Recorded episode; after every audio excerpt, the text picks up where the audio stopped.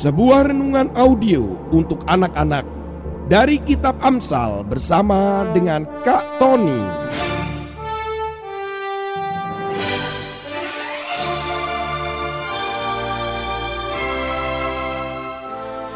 Audio Inspiring Message for Kids. Selamat menikmati dan mendengarkan.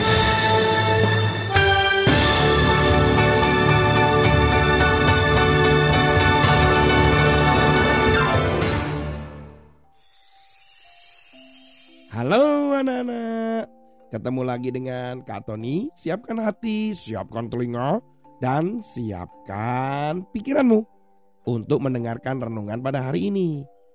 Anak-anak, kalian pernah nggak ikut lomba-lomba di sekolahmu? Bisa saja lomba-lomba itu adalah lomba-lomba seperti lomba dalam rangka 17 Agustus atau Hari Kemerdekaan Indonesia atau mungkin ulang tahun di sekolahmu. Lomba-lomba itu pasti bermacam-macam anak-anak. Tapi kali ini Kak Tony akan memberikan satu lomba yang diadakan di Hongaria. Wah, Hongaria di mana ya? Hongaria itu pokoknya jauh dah dari Indonesia. Di Hongaria tepatnya di Apiobiske. Nah, itu sebelah timur Budapest di Hongaria sana. Beberapa waktu yang lalu ada sebuah lomba yang unik sekali. Baru ini dilandakan yang kedua kalinya. Lomba yang pertama hanya diikuti 12 pasangan atau 24 orang. Tapi untuk kali ini sudah ada 40 pasangan atau sekitar 80 orang. Ya, banyak sekali ya. Lombanya apa sih Kak Tony? Lombanya adalah suami menggendong istri. Coba bayangkan kalau kalian melihat papamu menggendong mamamu. Kemudian mengikuti lomba. Wah pasti seru ya anak-anak ya. Dan ini memang benar. Lomba ini sangat seru sekali. Karena suami itu boleh menggendong istri dengan cara apa pun. Dengan gaya apa pun. Pokoknya waktu istrinya digendong tidak boleh jatuh. Kalau tidak boleh jatuh saja sih nggak apa-apa. Tapi masalahnya si suami ini harus melewati beberapa rintangan termasuk lumpur, lompat sana. Wah pokoknya tantangannya berat sekali. Sementara tetap harus menggendong istrinya. Para penonton bersorak-sorai ketika suami istri ini mungkin jatuh atau mungkin ketika mereka terguling-guling karena tantangan-tantangannya belum bisa dilampaui mereka. Tapi itu menambah keseruan, tawa, keceriaan dan kebahagiaan mereka.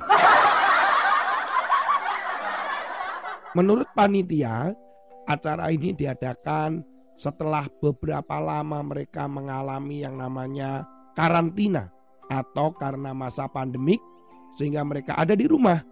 Dan kali itu mereka bisa keluar dari rumah, kemudian berlomba, kemudian gembira dan bersenang-senang.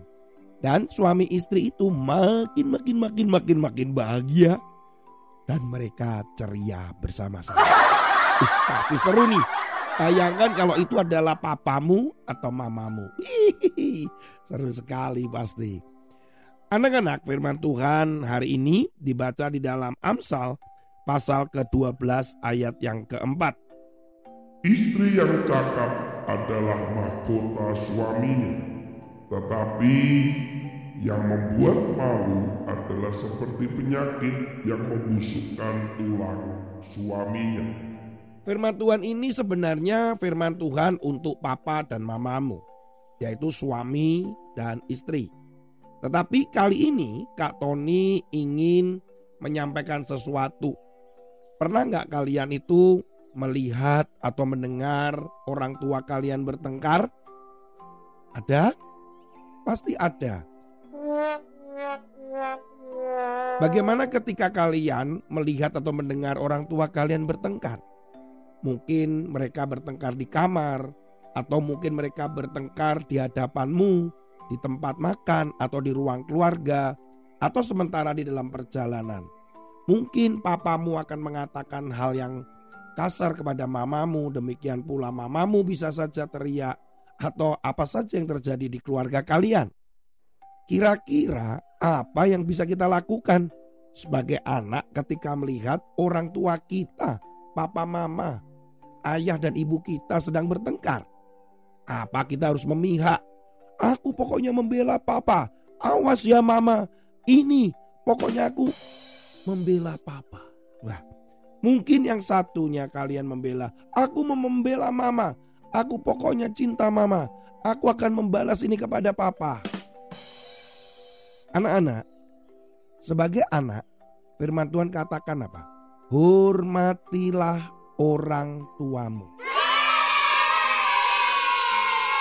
Kata-kata menghormati orang tua yang Kak Tony pernah sampaikan pada episode-episode di awal bahwa itu sama dengan memuji Tuhan. Jadi kita harus menghormati orang tua kita. Ketika papa mamamu sedang bertengkar, apa yang kita harus lakukan?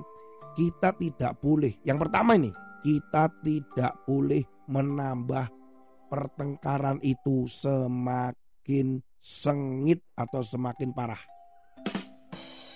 Yang kedua, kita menggendong mama dan papa.